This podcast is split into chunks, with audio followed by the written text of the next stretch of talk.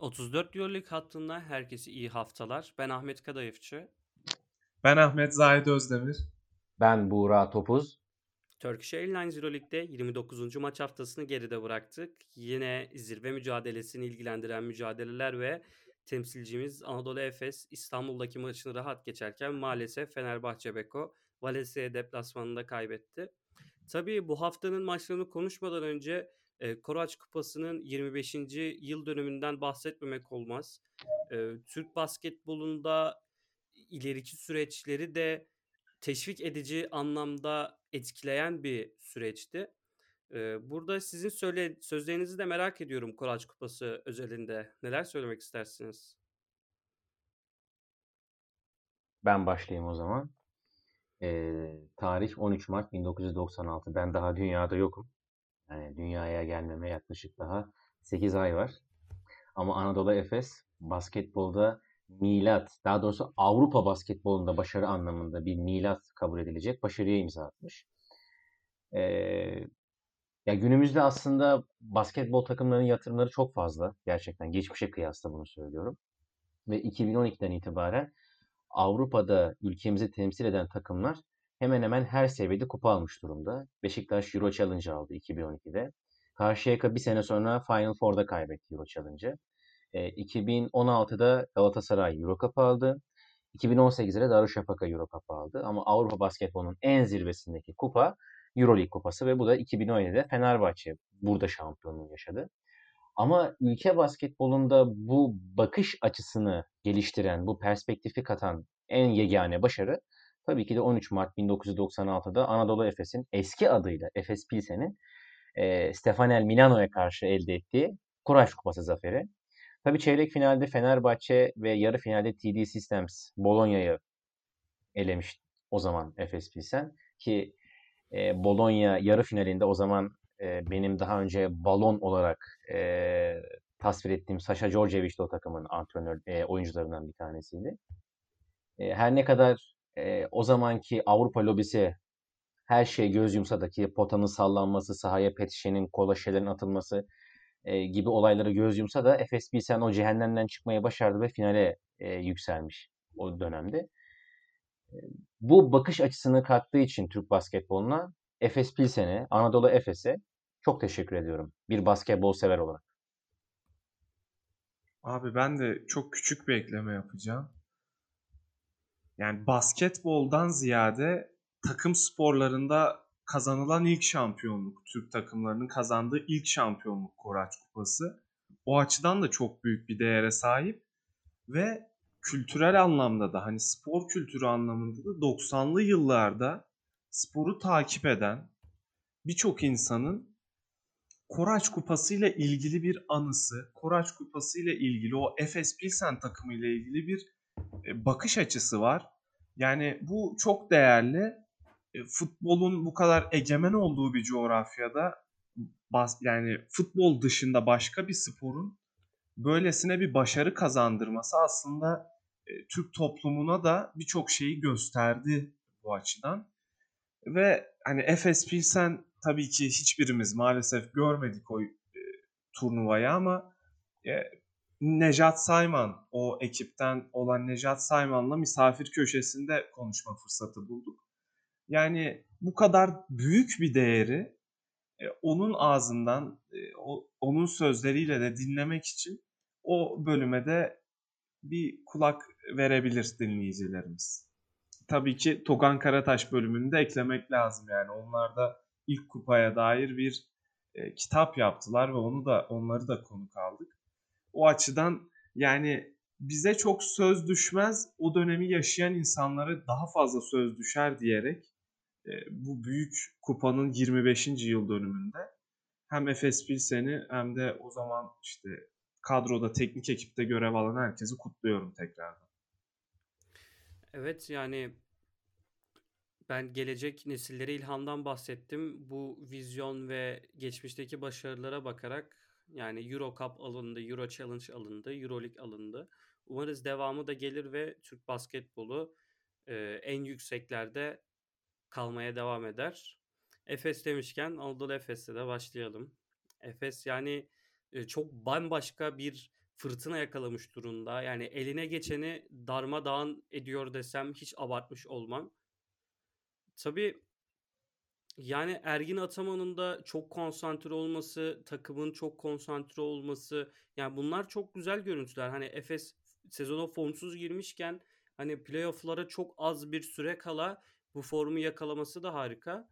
Zayt senle başlayalım. Yani Zalgiris maçıyla alakalı e, yani ben bir şeyler ekleyeyim önce. Şimdi direkt oyundan gireceğim ama e, Efes evet belli bir seviyede hücum ediyor ama savunma kısmını da ben es geçmemek istiyorum. Yani Anadolu Efes Olympiakos maçından beri rakiplerine sadece 64.8 sayı attırıyor. Şimdi Zalgiris maçında Simon'un yaptığı savunma Grigonis'e ki rakibin e, zaten Efes'e göre kıyasladığımızda çok güçlü bir rakip değil ve iyi yaptığı şeyleri de yapmasına izin vermediğiniz zaman ortaya bu şekilde farklar çıkıyor. Hani Grigonis'i Simon iyi savundu dedim. Burada Lovern'e geleceğim. Yani Lovern boyalı alanda e, topla buluştuğu zaman tehlikeli olan bir oyuncu. Bence burada e, Grigonis iyi savunuldu ama Lovern bence gözden kaçtığını düşünüyorum. Burada evet Sertaç'ın iyi hücum etmesinden bahsediyoruz ama Lovern'e de hem top aldırma konusunda uzunlarımız iyi iş yaptı ve Lovern o alanları iyi kullanamadı. Yani savunma kısmını ben biraz anlatmış oldum. Burak burada sana sözü vereyim. Sen neler düşünüyorsun? Ben şöyle bir ek yapmak istiyorum ilk başta. Sen çok kritik bir şey söyledin. Konsantre bir Ergin Ataman. Bence her şeyin başı burada. Daha önce biz Ergin Ataman'ı eleştiriyorduk. Diyorduk ki maç içerisinde o reaksiyonu kenardan göremiyorduk. Oyuncular üzerinde etkisi olmuyordu bu sakin kalmasının. Ama Ergin Ataman konsantre oldukça oyunculara da sirayet ediyor bu durum. Ve oyuncular da işin hem savunma kısmında hem de işin hücum kısmında olduğundan daha fazla konsantre oluyorlar. Örnek veriyorum bir birimlik potansiyeli varsa bir buçuk iki için zorluyorlar kendilerini. Asıl iş bence burada başlıyor. E, tabii maçı kazanmak için belli parametreler var. Bunun başlıca örneklenen bir tanesi savunmada belli adamlara fokuslanmak. Marius Grigonis ve Geoffrey Löwen, Jalgiris'in genel anlamda en önemli silahlarıydı.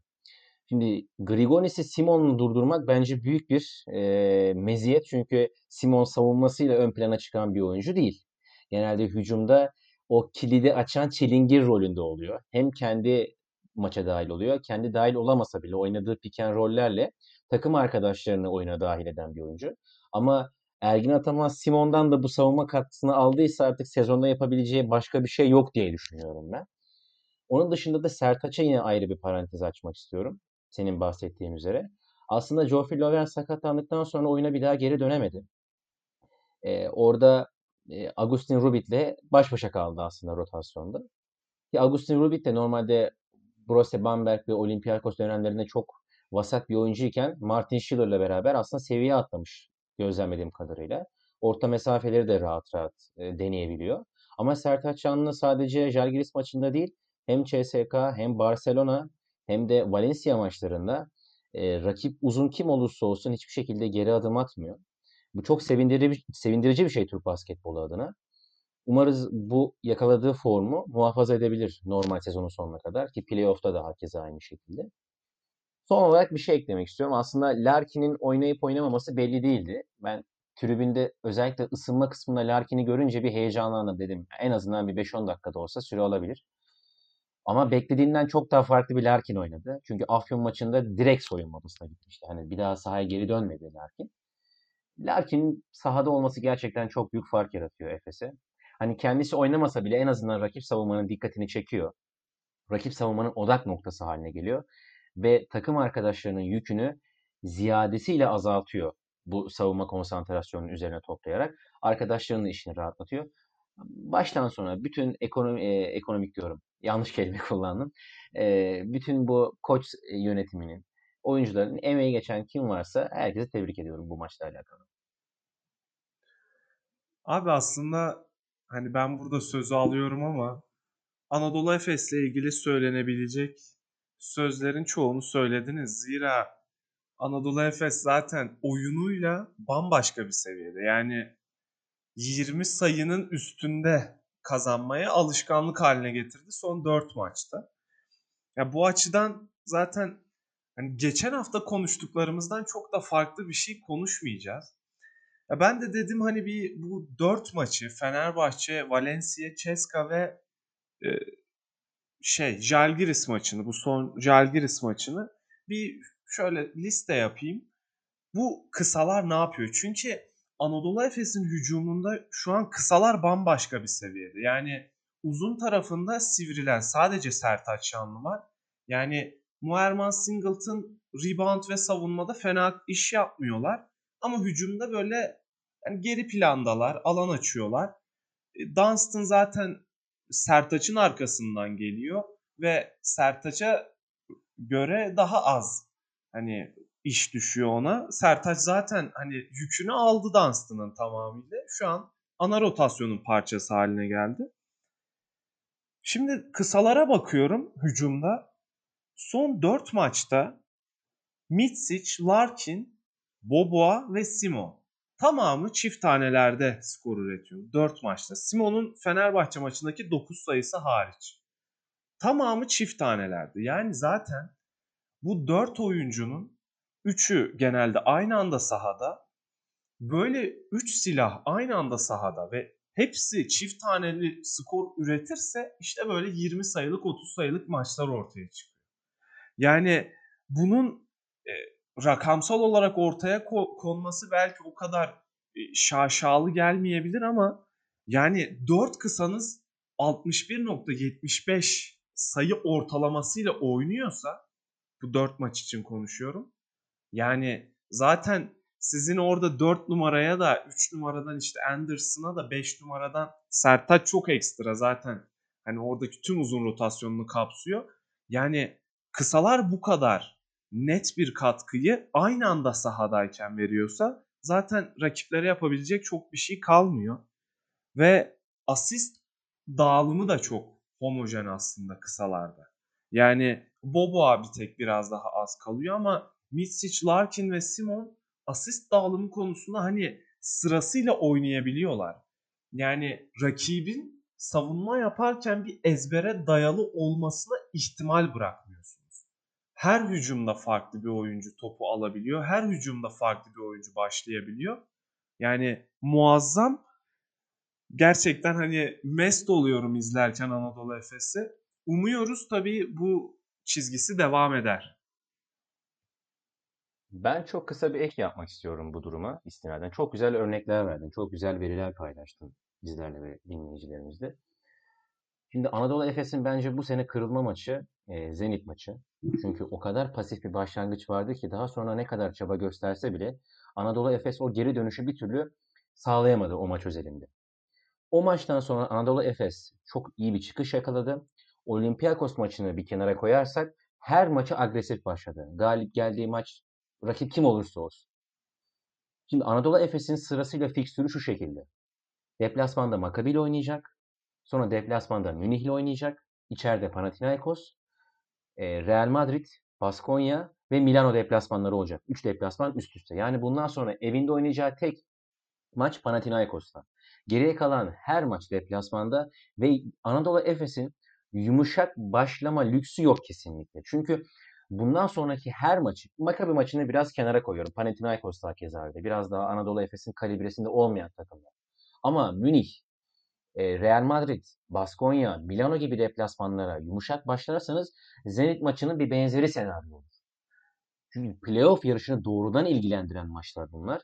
Ve Anadolu Efes ne kadar agresif başlarsa geçtiğimiz haftalarda olduğu gibi belki maçı bir buçuk iki periyotta bitirme şansı elde edebilir.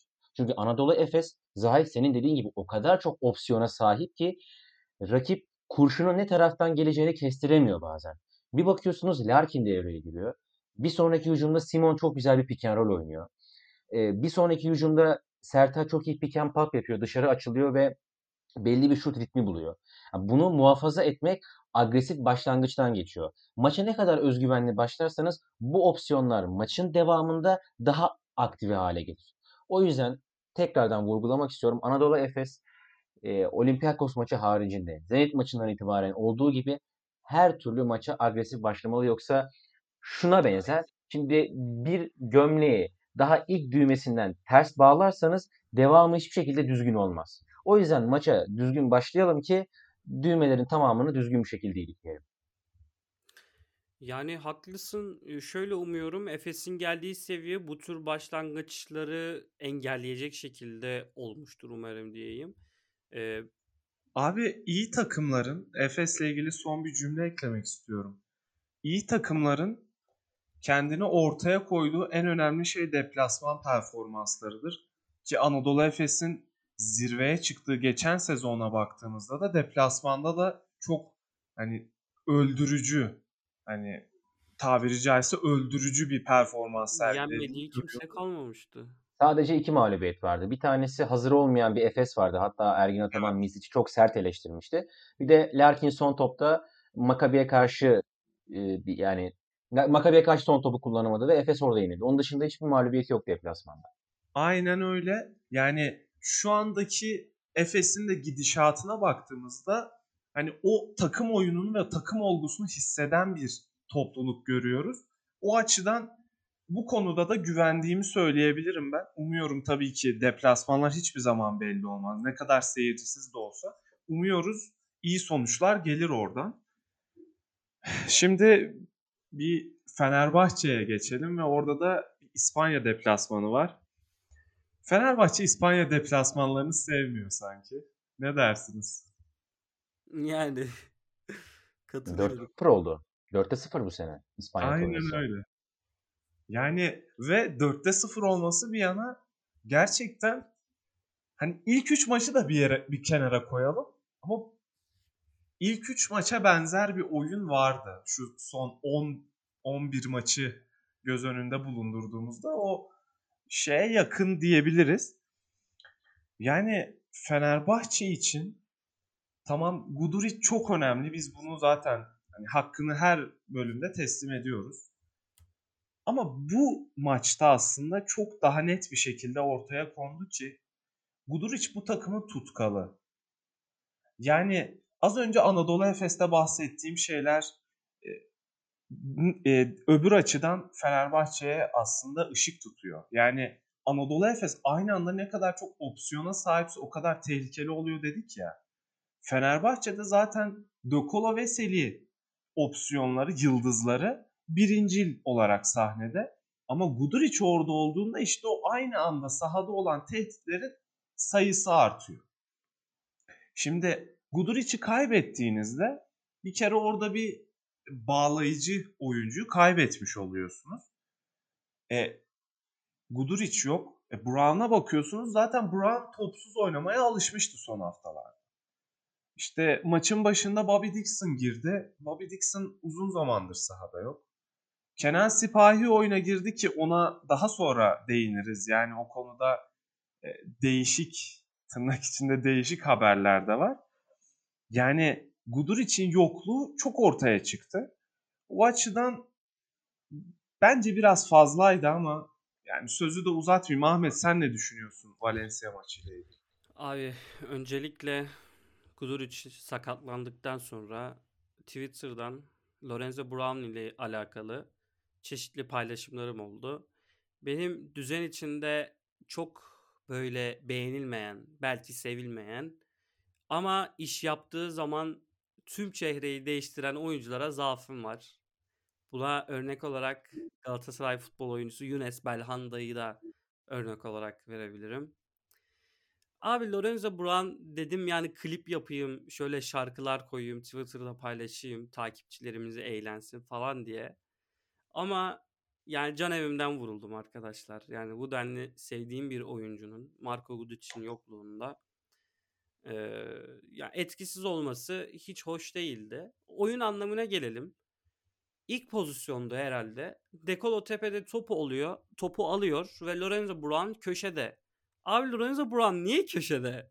Guduric yok yani başka top yönlendirici yok. Brown niye orada top bekliyor? Yani Brown Melih Mahmutoğlu değil, Jarıl Edi değil ki orada top bekleyip şut atsın. Hadi setin akışında olur diyeceğim.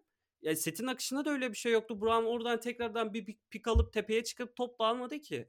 Yani Brown'un Dekolo'nun yanında sürekli bir e, set içinde sigort olması gerekirken bu denli set içinde uzak olması beni çok şaşırttı açıkçası. Yani Alex Perez Covid'den dolayı yokken, Melih Mahmutoğlu yokken, Guduric de yokken yani Brown'un senin çok ihtiyacın olduğu bir maç.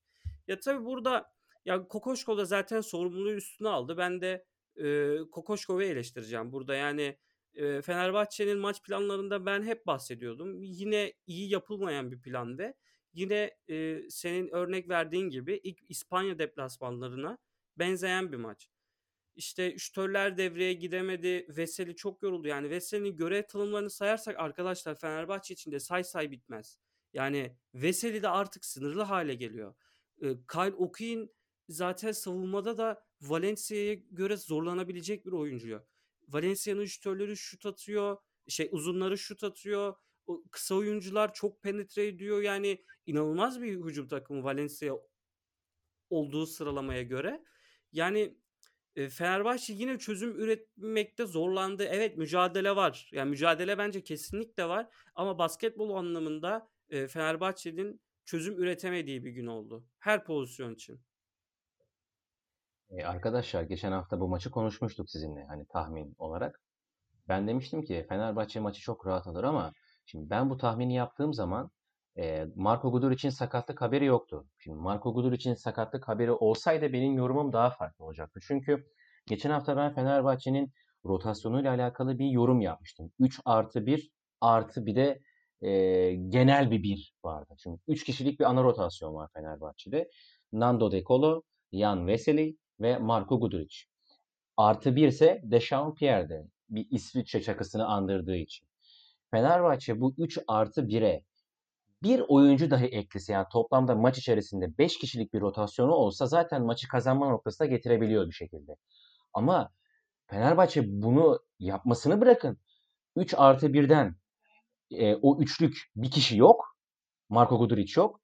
Dechampierre de ya faal problemine girdi Nikola Kalinic ya da bir şekilde maçın içerisine giremedi. Her şeyi geçtim. Üçlük yüzdesi 3'te 23'te 3 müydü? Kaçtı? O civarda bir şeydi sanki. Yani Öyle. bir Euroleague seviyesinde bir takımın maç kazanması için daha fazla üçlük atması lazım. Yani daha fazla deneyebilirsiniz ama daha fazla isabet bulmanız gerekiyor. Yani takımların şanssız günü olabilir. Efes'in de şanssız günü vardı. E, Fenerbahçe'nin de şanssız günü olabilir. Barcelona'nın da şanssız günü olabilir. Yani Fenerbahçe için hani bardağın dolu tarafı nedir diye bakacak olursanız yani sportif anlamda bence yok. Hani parkede bulamıyorum. Hani zorlasam gerçekten polyanlacılık yapmış olurum. Ama Zenit'in Bayern Münih'in kaybettiği haftada, Real Madrid'in kaybettiği haftada e, en azından Fenerbahçe'nin çok büyük kayıp yaşayacağını, yaşadığını düşünmüyorum. Tabii ki aslında galip gelse çok büyük kazanç. Ama diğer 3 takım kaybettiği için Fenerbahçe'nin kaybı çok ma- öyle majör seviyede değil. Burada Fenerbahçe'de aslında ee, bir şey değinmek istiyorum. Sen Kenan Sipahi'den bahsettin. Ben de oraya biraz ufaktan dalmak istiyorum. İsim de vereceğim. Basket Foul sitesi Twitter'da Kenan Sipahi ile alakalı bence haddini aşan bir haber yapmış. Kenan Sipahi evet takımın bir parçası. 12 kişilik rotasyonda ismi varsa elbette ki bütün performansıyla, bütün kapasitesiyle e, takıma yardımcı olmalı. Ama bu Kenan Sipahi sezon içerisinde hangi maçlarda oynamış? Bir Baskonya maçı var. Deplasmanda 18 sayıyla mağlup olunan. Bir tane daha maçı var. Tam hatırlamıyorum. Bir de bu üçüncü maçı. Yani bu adam bu sezon bitimine bir ay kala sadece 3 maç oynamış. Sezon toplamında. Ve Fenerbahçe şimdi Kenan Sipahi'ye mi bel bağlayacak? Ya Kenan Sipahi'den bir verim bekleyebilirsiniz ama Kenan Sipahi'yi oynamadı diye eleştiremezsiniz. Yani çok eleştirmek istiyorsanız Alex Perez'i eleştirirsiniz. Çok eleştirmek istiyorsanız e, potayı adeta şeytan taşlar gibi taşlayan Gerald Eddy'yi eleştirirsiniz. Ya Kenan Sipahi'yi burada eleştirmek işin kolay yani kolayına kaçmak bence. Haksızlık, büyük haksızlık. Burada basket faul ekibini şiddetle kınıyorum. Şiddetle hem de. Abi yani şimdi Kenan Sipahi'de ben mücadelesizlik de görmedim. Yani oyunda olduğu sırada gayet mücadele ettiğini de düşünüyorum. Özellikle savunma tarafında en azından üstüne düşeni yaptı ki hani Euroleague'de bu kadar senin söylediğin gibi az oynayan bir oyuncunun zaten bu mücadeleyi göstermesini beklersin. Yani o tarafta Kenan Sipahi'ye doğru bir eleştiri var ama o da anlaşılabilir değil bence. Yani oyuncu bu kadar az süre alırken Euroleague'de işte çıktığı bu maçta da fırsatı değerlendirmedi. Vay onun haline falan demek olmaz yani. Bu oyuncuya biraz köstek olmaktır. Hani oyuncuyu eleştirmek değildir. Bu yapıcı bir eleştiri değildir bence. O açıdan e, ben de pek katılmıyorum. Yani burada da Ahmet senin ekleyeceğin bir şey varsa Kenan konusu hakkında ekle. Sonra ben aslında Kenan'dan daha farklı olduğunu düşündüğüm bir e, noktaya getireceğim Fenerbahçe'nin kötü performansını. Yani dediğin gibi başta Fenerbahçe konuşulması gerekiyor ama hani ben de e, söylemeden edemeyeceğim. E, Kenan kullanması gereken topları, vermesi gereken pasları ligde oynuyorken daha rahat veriyor. Ama oradaki yanın, yanındaki oyunculara bakmak lazım. Buradaki oyunculara bakmak lazım. Burada Dekolo Veseli ile oynuyor. Yani oyuncu üzerinde de bir e, baskı var. İlk girdiği andan ondan bir e, Guduric tepkisi e, bekleyemezsiniz ki Kenan Sipahi Guduric seviyesinde bir oyuncu olsa zaten Marco Guduric transfer edilmezdi. Her şey günlük gülistanlık devam ederdi. Yani bence de e, çok iyi niyet göremedim o yazıda. Evet Sait. Abi şimdi o yazı bir kenara. Yani Fenerbahçe dünkü maçta yani cuma günkü maçta neyi kötü yaptı diye düşündüğümde abi şimdi Okuyun savunmada tamam biraz ağır kalabilir. Yani bunu zaten beklersiniz. Bu tam olarak mücadelesizlik denilemez bence. Valencia uzunlarına çok ters. Hani o açıdan tamam o anlaşılabilir bir zaaf. Ama abi şimdi Bartel, Ulanovas, Edi. Bu üçlünün performansını ben çok anlayamıyorum. Ki geçen hafta Fenerbahçe'nin çıkış çıkış yakalaması için, daha bir üst seviyeye atlaması için bu üç ismi ben söylemiştim zaten. Yani bu bir sır değil ama yani bunu konuşmuştuk daha önce. Şimdi abi Ulanova sahada ama yani sanki oynamıyor. Birkaç pozisyonda öyle top almak için bir sırtı dönük zorladı. Ama takımda sanki böyle sindirilmiş. Yani Dokolo Veseli tamam oynamalı. Çok e, lider olarak çok önemliler. Şampiyer çok önemli bir iş yapıyor. Guduric geldi takım yükseldi. Evet abi. Ama Ulanovas olmazsa, şimdi Ulanovas tehdidi olmazsa, Pierre'in tehdidi bir yere kadar Kalinic gibi bir forvet geldiğinde bakın Kalinic Pierre'i alt etti açıkçası. İlk yarıda Pierre biraz iyiydi ama maç geneline baktığımızda Kalinic Pierre'i alt etti. Şimdi orada Ulanovas Pierre ikilisini mesela çok fazla birlikte göremiyoruz bu ikilinin aynı anda tehdit yarattığını bir düşünsenize. Veya Bartel'in konsantre biçimde oynadığını, o halen daha formunu yakalayabilmiş değil. Yani sürekli Veseli okuyun, Veseli Ahmet. Yani 2-5 numara aslında Fenerbahçe'ye savunmana zarar veriyor. Bartel'in e, başta savunmada olmak üzere hücumda da aslında artık yapabildiklerini ortaya koyması lazım. Budur için olmadığı bir günde Bartel'in post-up'ları üstünden 2-3 kere olsa da hücum edemez miydi Fenerbahçe? Yani denemedi. Veya pick and pop oynayamaz mıydı? Oynanmadı. Ama burada işte Bartel'in de o mesajı vermesi lazım. Yani koça kendini göstermesi lazım. Ulanovas için de aynısı geçer. Hani Edi tarafında biraz daha farklı bir yorumum olacak. Gerald Edi savunmada hani o sezon başında alışık olduğumuz hatalarını net bir biçimde yaptı yine hani o Ceska maçındaki büyüleyici e, ve o dönemdeki bir 2-3 maçta yaptığı büyüleyici performansı unutturdu yani. Şut konusuna zaten gelmeye gerek yok. Ve son olarak şunu söylemek istiyorum Fenerbahçe hücumuyla alakalı.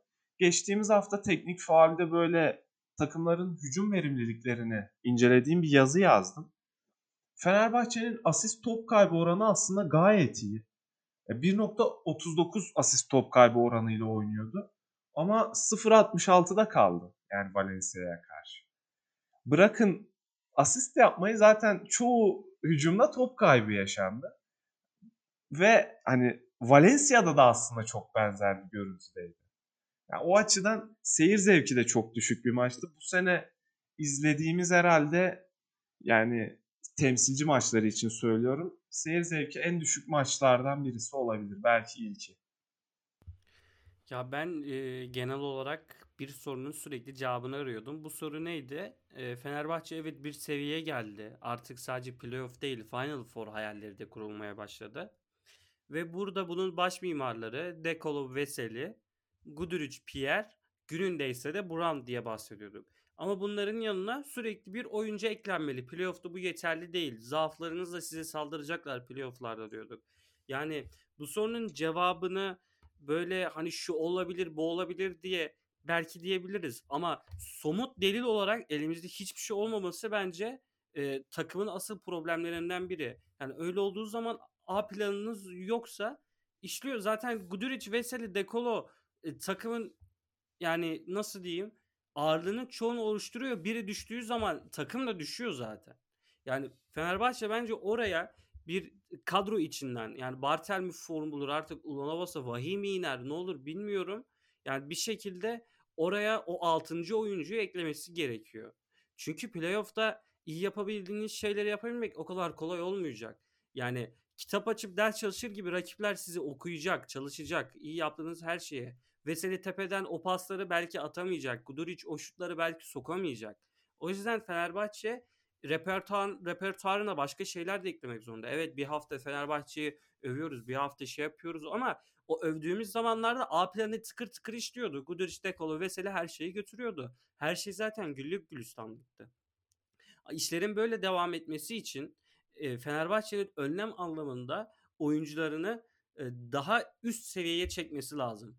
Kim bu oyuncular? Ulonavas, Bartel, Edi, biraz da Melih'ten bahsedebilirim belki. Bu şekilde söyleyeyim ben de. Ben son bir şey söylemek istiyorum Fenerbahçe ile alakalı. Şimdi sezonun bu kısmına kadar Anadolu Efes'i çok sert bir şekilde eleştirdim ve sütten ağzım yandığı için yoğurdu artık üfleyerek yiyeceğim. Böyle herhangi bir temsilcimiz hakkında çok sert bir yorum yapmamaya karar verdim normal sezon ve playofflar bitene kadar. E, çünkü Euroleague'deki dengeler, dinamikler her an değişebilir durumda. Evet Fenerbahçe çok keyif vermeyen bir basketbol oynadı. Çünkü Guduric'in eksikliği var. Takımdaki hiç kimse gününde değildi. Dekolo ve Veseli neredeyse sınırdan geçti çift taneyi. Onun dışında zaten adam akıllı skor üretebilen bir oyuncu çıkaramadı Fenerbahçe bünyesinde. Ama bu e, devamının böyle geleceği anlamına gelmiyor bence. Jalgiris Kaunas maçıyla birlikte bence Fenerbahçe'nin A planında Ahmet'in dediği o A planında biraz daha toparlama yaşayacağını düşünüyorum. Gudur için dönmesiyle beraber hani B planı yoksa bile en azından A planını daha efektif bir şekilde parkeye yansıtacağını düşünüyorum. Çünkü Fenerbahçe aslında çok kalitesiz bir takım değil. Evet. Tepedeki takımlara kıyasla kadro derinliği diyeyim. Kalitesinden ziyade kadro derinliği daha az. Şimdi bir CSK, Milano, Barcelona, Efes gibi çok geniş bir rotasyonu yok. Yani isim olarak var ama rol ve sorumluluk anlamında yok. İşte burada o 3 artı 1 artı 1'i evet Fenerbahçe çok iyi bir şekilde oturtmalı ama mental olarak düşmemek bence işin en kilit noktalarından bir tanesi. Şimdi bir yenilgi üzerinden sürekli ah vah tüh ederseniz sahip olduğunuz yeteneği de köreltirsiniz kendi kendinize. O yüzden Fenerbahçe için 5 tane final niteliğinde maç var. E, son iki haftasında da İspanyol takımlarıyla oynayacak kendi sahasında. O yüzden hiçbir şey bitmiş değil. Bence Fenerbahçe buradan 5'te 5 bile yapabilir. Hani bu kadar iddialı konuşuyorum. Hani neden olmasın bence. Deplasmanlarda da yanlış bakmadıysam Asvel ve Münih'le oynuyor Fenerbahçe. Yani dediğim gibi 5'te 5 pardon Asvel'le oynadı. Başka bir takımla yapacak ama tam hatırlayamadım şimdi. Yani 5'te 5 yapmaması için hiçbir neden yok. Hani kapasitesi var mı Fenerbahçe'nin? Tabii ki kapasitesi var. Ama dediğim gibi burada mental olarak düşmemek kilit nokta. Abi orada Olympiakos ve Münih deplasmanlar hemen ya. Bence Olympiakos her ne kadar Zenit'i bu hafta çok e, sansasyonel bir şekilde yenmiş olsa da Fenerbahçe'nin deplasmanda Olympiakos'u yenmesi sürpriz olmaz kesinlikle. Aynen öyle. Yani ben de çok kısa bir ekleme yapacağım. Fenerbahçe'nin bence şu andaki hedefi tabii ki daha üst sıralara da çıkabilir. Eğer ilk dörde giremeyecekse, hani umarım girer biraz zorlaştı gibi görünüyor bence. İlk dörde giremeyecekse bence Fenerbahçe Milano eşleşmesini kovalamalı. Yani çünkü çok dengesiz bir takım Milano. Ee, Ceska'nın da ne bileyim oraya gelebileceğini düşünmüyorum. O yüzden Fenerbahçe'nin Milano'yu kovalaması gerektiğine inanıyorum. Tabii ki hani bu öyle yapılan kahvede yapılan bir yorum olarak değil. Sadece şu anda görünen puan durumunda en uygun olan rakip bence bu. Buraya nasıl gidilmesi gerektiğiyle ilgili görüşüm de şu. Yani Guduric bu hafta yoktu. E, bilmiyorum durumunu henüz belli mi ama gelecek hani bir iki maçta yoktur diyelim veya sonraki haftalarda.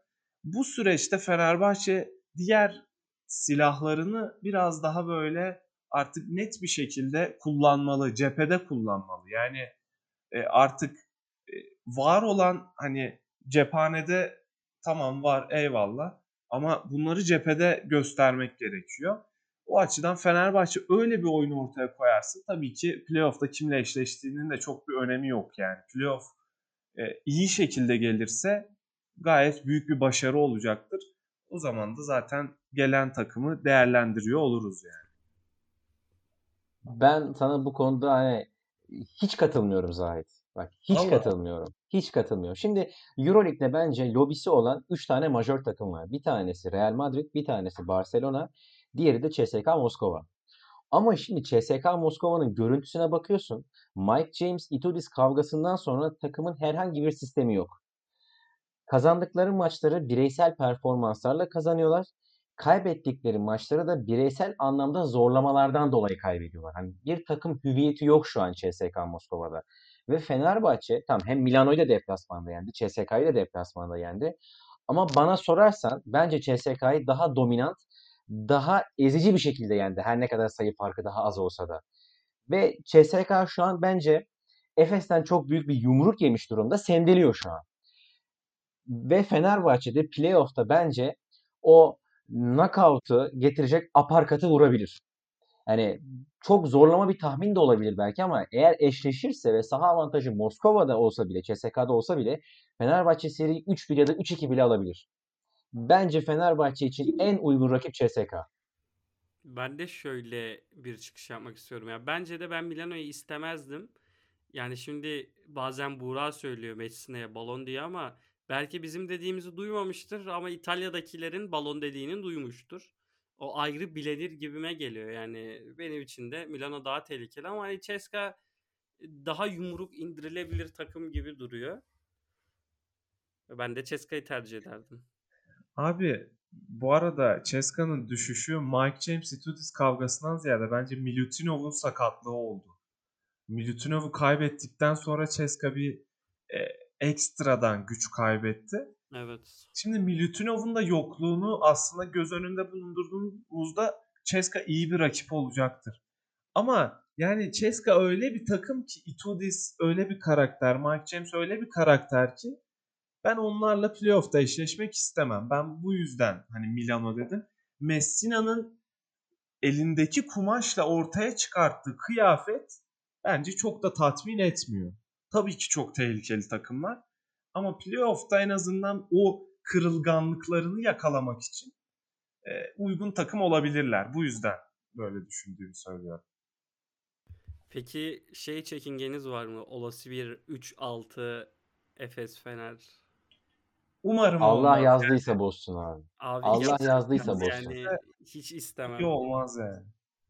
Yani iki farklı temsilci eşleşmesi izlemek be- benim çok sevdiğim olaylardan. Ki hani zamanında Fenerbahçe, Žalgiris, Efes, Barcelona serileri aynı anda oynanırken de hani ben 4 gün boyunca maça gitmiştim. 4 akşam. Yani mükemmel bir zevkti. Bu sene öyle bir şey e, mümkün olmayabilir belki ama e, temsilcilerin birbiriyle oynaması hiç tercih edilmez yani. Umarım olmaz yani. Umarız. Ya bir de şöyle bir durum var. Öyle bir olası eşleşmede. Basketbol dışında çok şey konuşuruz. Yani çünkü Ergin Ataman cephesi kendine göre haklı bazı konularda. Fenerbahçe cephesi kendine göre haklı.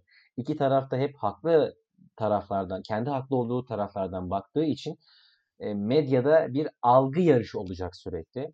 İşte örnek veriyorum Fenerbahçeliler diyecek ki Ergin Ataman'ın gözünün üstüne kaş var o yüzden e, olay çıkaralım diyecekler. Ergin Ataman diyecek ki bana laf söylediler ben de karşılık vereceğim. Yani Vitoria Gasteiz'de olanların bir benzeri yaşanabilir medyada.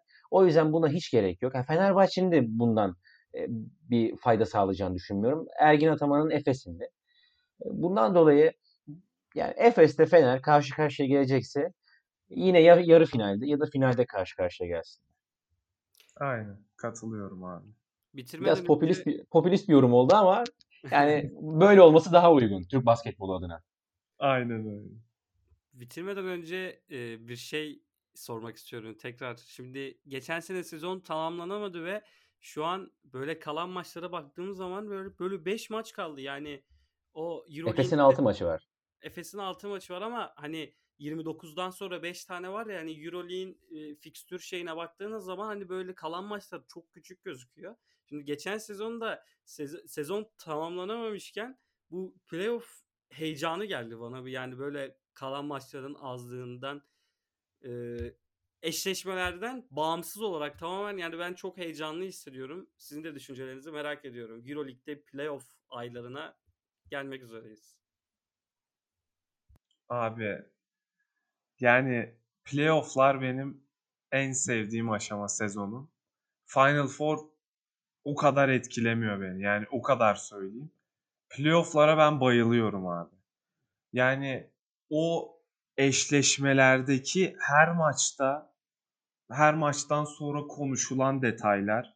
Sonraki maçta işte koçların hazırlıklarının değişmesi ve bir hikayenin maç maç yazılması. E, tabii ondan önce seri değerlendirmesi. Seri bitince seriden sonraki değerlendirme. Yani benim basketbol sevgimin zirveye çıktığı haftalar oluyor haftalar. Bayılıyorum. Ben şöyle subjektif bir örnek vereyim. 2019 playoff serisinde 3 maça da gitmiş bir basketbol severim. Yani birinci maç, ikinci maç ve Final Four'un geldiği beşinci maçta. İkinci maçtan sonra ben dedim ki herhalde yani bu güzel sezon maalesef bitti herhalde burada. Çünkü Palau Blaugrana'da İspanyol lobisiyle de e, Barcelona orada maç vermez 3-1 biter diye düşünüyordum. Ama üçüncü maçta özellikle üçüncü periyotta bir ara Barcelona tam geri dönecek derken Larkin'in sahneye çıkması, farkın bir anda 20-30 bandına yükselmesi playoff'un aslında Zahit'in dediği gibi pek çok hesaba, pek çok permütasyona, kombinasyona ev sahipliği yaptığı bir süreç, bir proses. Ve benim de 3. periyottaki kalp ritmim herhalde bambaşka bir boyuta ulaşmıştı o zaman. Final Four'un geldiği maçta da yani bulutların üstünde gibiydim. Yani hayatımda ilk defa Anadolu Efes'in Final Four'a kaldığı bir maçı salondan seyretmiştim. Çok farklı bir heyecan, çok farklı bir süreç. Final Four daha başka bir şey bence. Ben 2017'deki Final Four'a da gitmiştim Fenerbahçe'nin şampiyon olduğu İstanbul'da. Yani o atmosfer, o uluslararası interaksiyon diyeyim hani taraftarlar arasında maç önü. Çünkü tribünlerde herkesin yeri belli. Ama maç önünde bazen örnek veriyorum o zaman 2017'den bahsediyorum. İşte Olympiakoslar bazen Fenerbahçelerle sohbet edebiliyor. Onlarla beraber fotoğraf çekilebiliyor. Bir İngilizce bir sohbet oluşuyor. Real Madrid CSK taraftarları da vardı hakeza bu şekilde. Yani playoff ve e, Final Four işin biraz daha internasyonel kısmı. Tabii ki diğer kısımlar da internasyonel. Hani sonuçta uluslararası maçlar ama oradaki interaksiyon daha yakın oluyor. Rakipler artık daha birbirini tanıyor hale geliyor. E, bundan dolayı gerginlik de bazen artabiliyor. E, ki Barcelona Efes serisinin dördüncü maçını belki hatırlarsanız artık Pesic kazanabilmek için gerginliği olanca gücünü arttırdı ve tribünleri de arkasına alacak şekilde hakeme itiraz etmeye başladı. Yani bunlar işin hep güzel kısmı. Hani eğer lehinize oluyorsa güzel kısmı. Aleyhinize oluyorsa biraz gerginliği arttıran faktörler oluyor. Ama normal sezondan farklı olduğu kesin. Ee, ama iki temsilcimiz adına şunu söylemek istiyorum. Hiçbir şey bitmiş değil veya hiçbir şey kazanılmış değil. Çünkü Efes şu an çok iyi gidiyor. Ama hiçbir şey bitmedi. Her şey daha yeni başlıyor. Fenerbahçe için de her şey yeni başlıyor. Çünkü çok kritik 5 maçı var. Ben şöyle iddialı bir açıklama yapmak istiyorum. Efes'te, Fener'de, playoff'ta gerçekten uygun bir eşleşmeye kalarsa Final Four'a gider ikisi de. İnşallah diyelim abi. Yani evet playoff heyecanı var ama bu heyecanı temsilcilerimizle yaşamak bambaşka bir duygu diyelim. Ekleyeceğiniz bir şey yoksa kapatayım. Abi güzel bir sohbet oldu. Hem iki temsilcimize hem de bir playoff öncesi hislerimizi ilk kez paylaştığımız bir kayıt oldu. Ağzınıza sağlık. Umarım dinlerken, bizi dinlerken keyif almışsınızdır. Bu haftalık bu kadar. Görüşmek üzere. Hoşça kalın. Hoşça kalın.